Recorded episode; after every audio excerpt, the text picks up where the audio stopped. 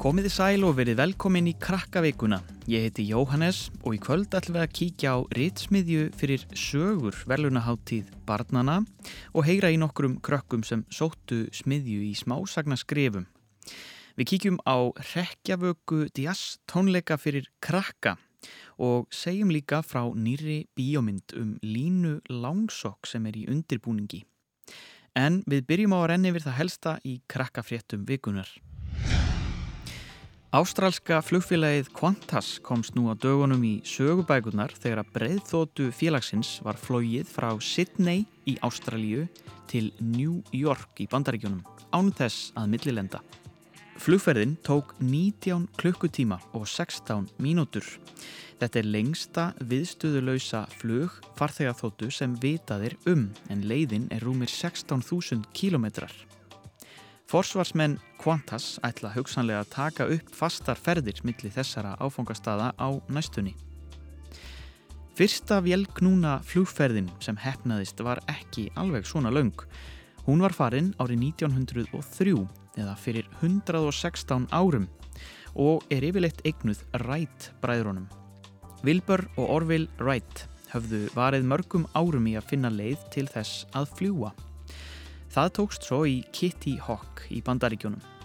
Þeir flugur reyndar ekki mikið hærra en kannski þrjá, fjóra metra upp í loft og flugferðin var örfáar sekundur. En þar með rættist langþráður draumur manna um að fljúa um loftin blá.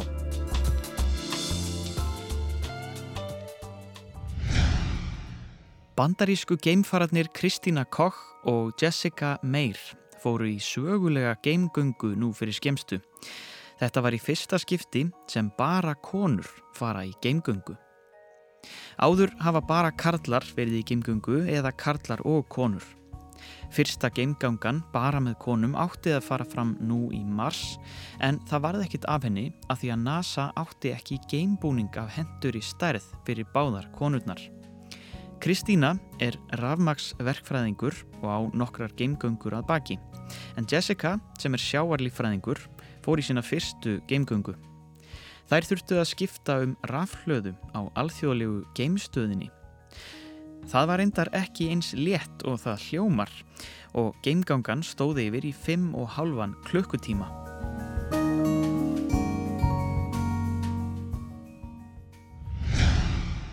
Börn í Háteksskóla í Reykjavík eru ekki ánað með umferðar öryggi við skólan og söpnuðu undirskriftum til þess að krefjast aðgerða. Er Snæfríður og Lóa fengu að hitta borgarstjóran í vikunni og afhendu honum undirskriftarlistan.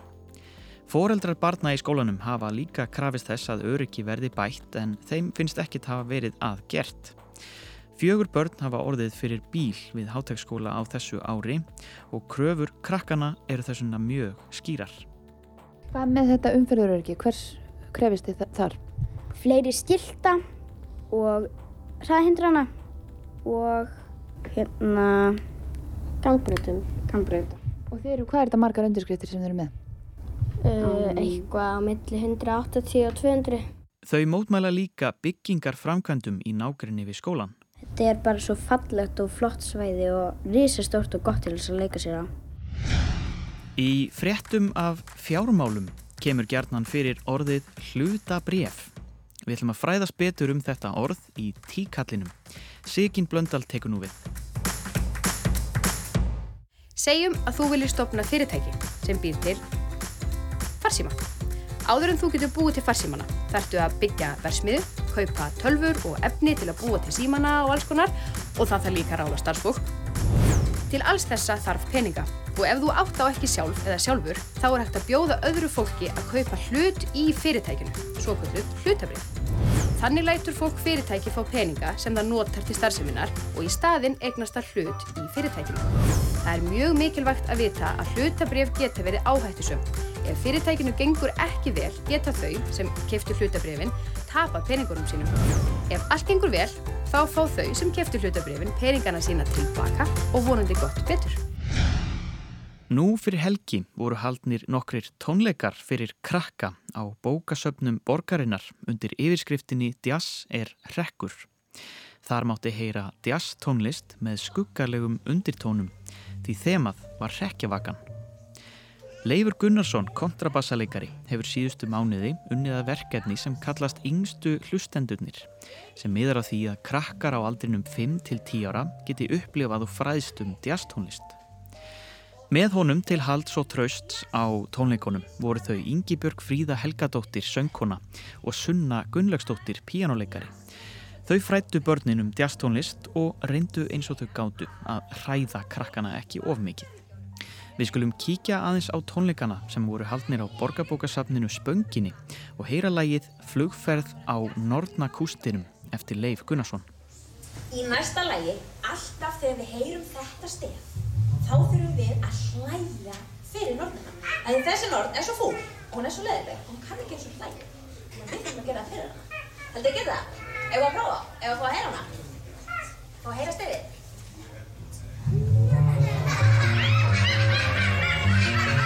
Gott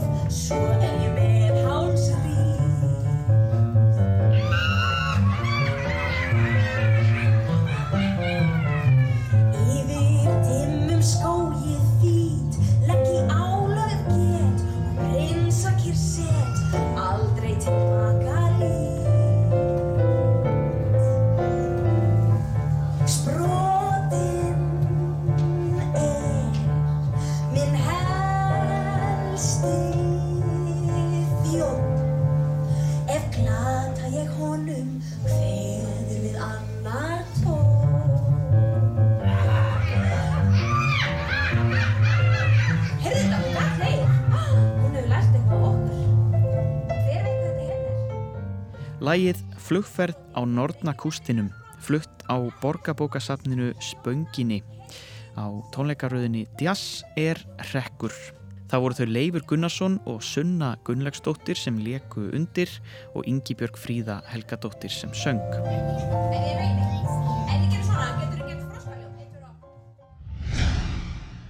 Borgarbókasafnið býður á næstu vikum upp á smiðjur fyrir börn á aldrinum 9 til 12 ára í samstarfi við sögur verðlunaháttíð barnana. Börnin fá leiðsögn í að skrifa sögur, leikrit og ímiskonar handrit.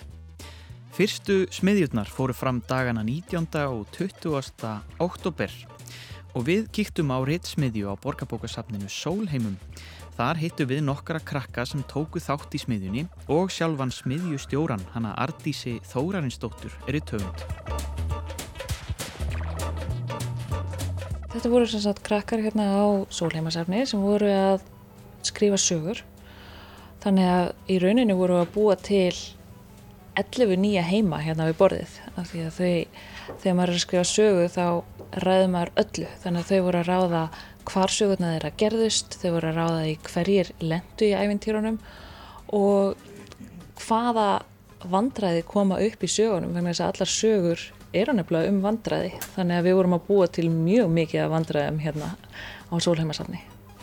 Við vorum að búa til sögur Og bara læra að skrifa sko Já, sögur. læra að skrifa sögur Og og búa til personur. Og hugmyndir. Mm, Við vorum svona að búa til personu fyrir bók og svo verðum við aðeins að byrja að skrifa. Við vorum að skrifa svona einn sögur og svona að skrifa hvernig sögupersonan okkar væri til og þannig og hvernig hún væri. Við byrjuðum á því að allir byggu sér til personu. Fyrst byggum við til eina personu öll saman, bara svona til að tala um það hvernig personu verða til. Svo byggum við allir til sínar eigin personur og svo fórum við bara, lögðum við á stað í ferðalag þar sem að allir byrjuðu að skrifa sögurnar sínar. Sagan mín er um mann sem er jólasveinn og hann týnir, eða svona hann villist inn í annan heim og er að reyna að komast aftur inn í heiminn sinn. Ég, er að skrifa sögum banana sem fer til Kanada. Sagan heitir Súkulega þjófurinn og hérna hún er um stelpu sem heitir Anna-Stína, kallið Stína. Hún elskar súkulaði og hún er að fara til Svíþjóðar að hitta fengu sína sem náttúrulega elskar súkulaði líka en ekki eins mikið. Saga mín er um strák sem er 13 ára og hann, það halda allir að hann sé einhver auðmingi eða eitthvað en svo, hef, svo er hann með, svo er hann sko frægur í öðrum heimi. Það geta allir skrifað sögur og ég held að við séum alltaf að búa til sögur þó við tökum ekki endilega eftir því. Maður situr í strætó og horfir á okkar fólk og hugsa hvert allir þessi sé að fara. Kanski, hvað ef þetta lítur út fyrir að vera venjuleg kona en kannski er þetta nord og sem bara byrja maður og ert að búið til sögu og kannski gleyma, er maður búin að gleyma henni aftur þegar maður er komin á áfangastað í strætó en munurinn á rítöfundum og öðru fólki er að það tekur eftir því þegar svona hugmyndir koma og fræ og grýpa þær. Fyrsta ráði er kannski að byrja og byrja að skrifa og ekki hlusta á litlu röttina í höðun á þeim sem segir já, nei, ég held kannski ekki að ég held að maður læri langt mest á því að skrifa og maður getur ekkert lagað auða blaðsið maður verður bara að byrja. Og að vera döglegur að lesa Ég elskar spennisugur og ráðgótisugur og fyndnar Spennisugur? Já, mér líka mist gaman að hérna lesa svona eitthvað sem gerist kannski í öðrum heimi. Uppáhaldsbækuna mínar eru Harry Potter bækunar og afbreyðbækunar. Dóttir áður hans. Næstu ritsmiðjur fyrir sögur velunaháttíð barnana fara fram um helgina, annan og þriðja november. Allar upplýsingar um háttíðina sögur og ritsmiðjurnar eru á krakkarúf.is skástrygg sögur. Þar er líka hægt að taka þátt og senda inn sögur, leikaritt, stuttmyndahandrit, tónlist og texta. Og þegar ég er búin með söguna ætla ég að setja henni krakkarúf. Þegar ég er búin að skrifa söguna ætla ég að senda henni krakkarúf. Þegar ég er búin með söguna ætla ég að senda henni krakkarúf.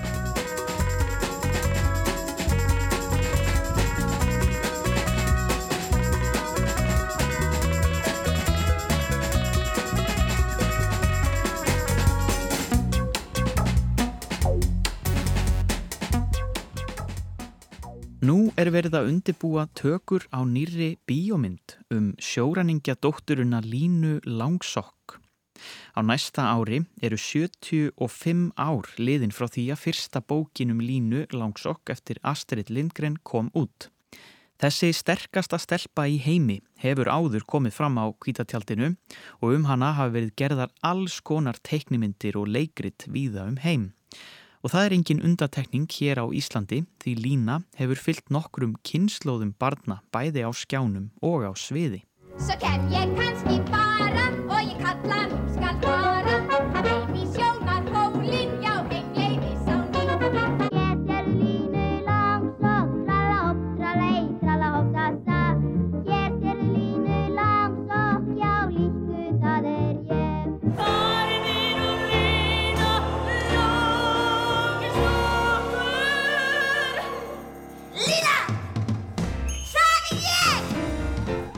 Við fengum nokkrar íslenskar leikonur til að segja okkur hvaða áhrif Lína Langsokkur hefur haft á þær. Og við fengum skilaboð frá Anítu Brím, Ágústu Efu Ellensdóttur, Þurriði Blæ Jóhannsdóttur, Ilmi Kristjánsdóttur, Sölku Sól Eifeld og Unni Ösp Stefánsdóttur. Lína Langsokkur er fyrir mér stelpa sem að fyrir sínar eigin leiðir og gerir nákvæmlega það sem hún vill og er alveg sama um hvað öðrum finnst um hana. Og uh, Lína elst upp hjá pappa sínum sem er sjóræningi sem er mjög skrítið þannig að hún kann ekki alltaf að haga sér í svona félagslegum aðstæðum og það getur bara verið ótrúlega fyndið og stundum bara bráðnöðsynlegt af því mér finnst Lína að kenna okkur að, að stundum eru aðstæðuna bara þannig að maður á ekki fyrir að haga sér, maður á bara að fylgja innsæðinu og það er sem hún gerir. Sko, Lína Langsokk er eiginlega bara mín stærsta fyrirmynd í lífinu. Hún er náttúrulega sterkasta stelpa í heimi og ótrúlega klár og sjálfstæð og uppáttækjasöm.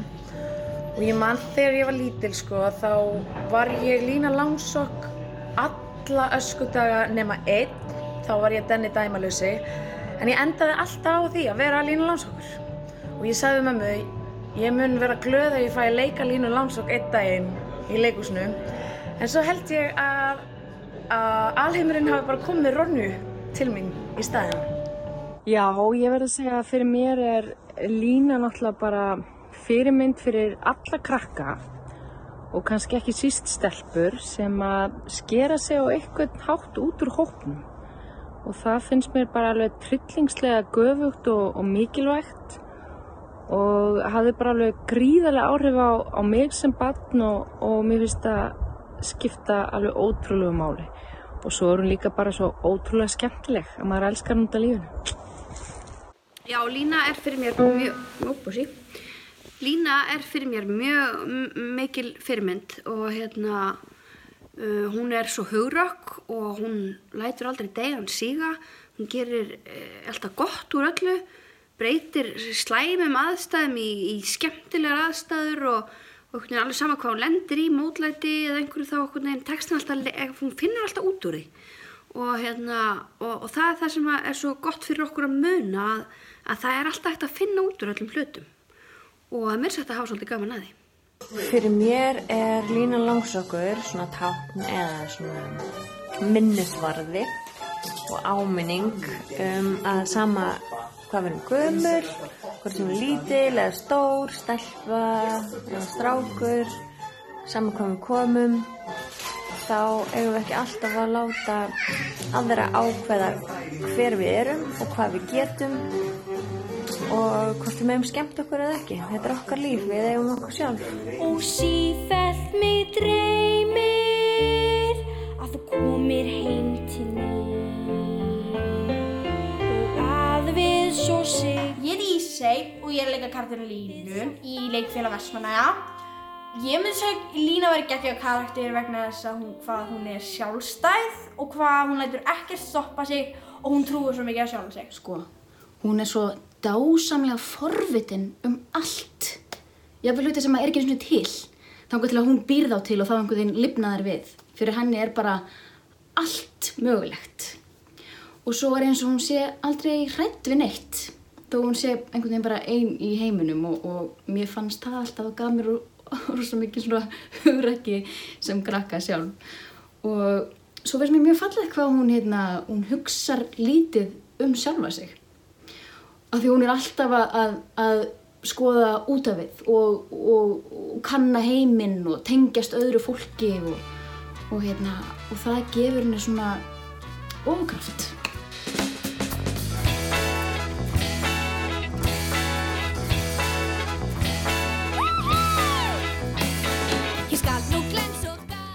En þá er ekki fleira í krakkavikunni að þessu sinni. Ég verð hér aftur í útvarpinu eftir viku en þessi þáttur og fleiri þættir eru á krakkarúf.is og í appinu.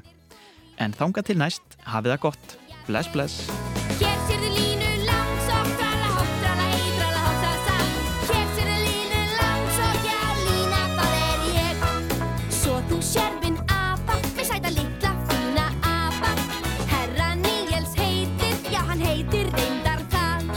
Hjertene er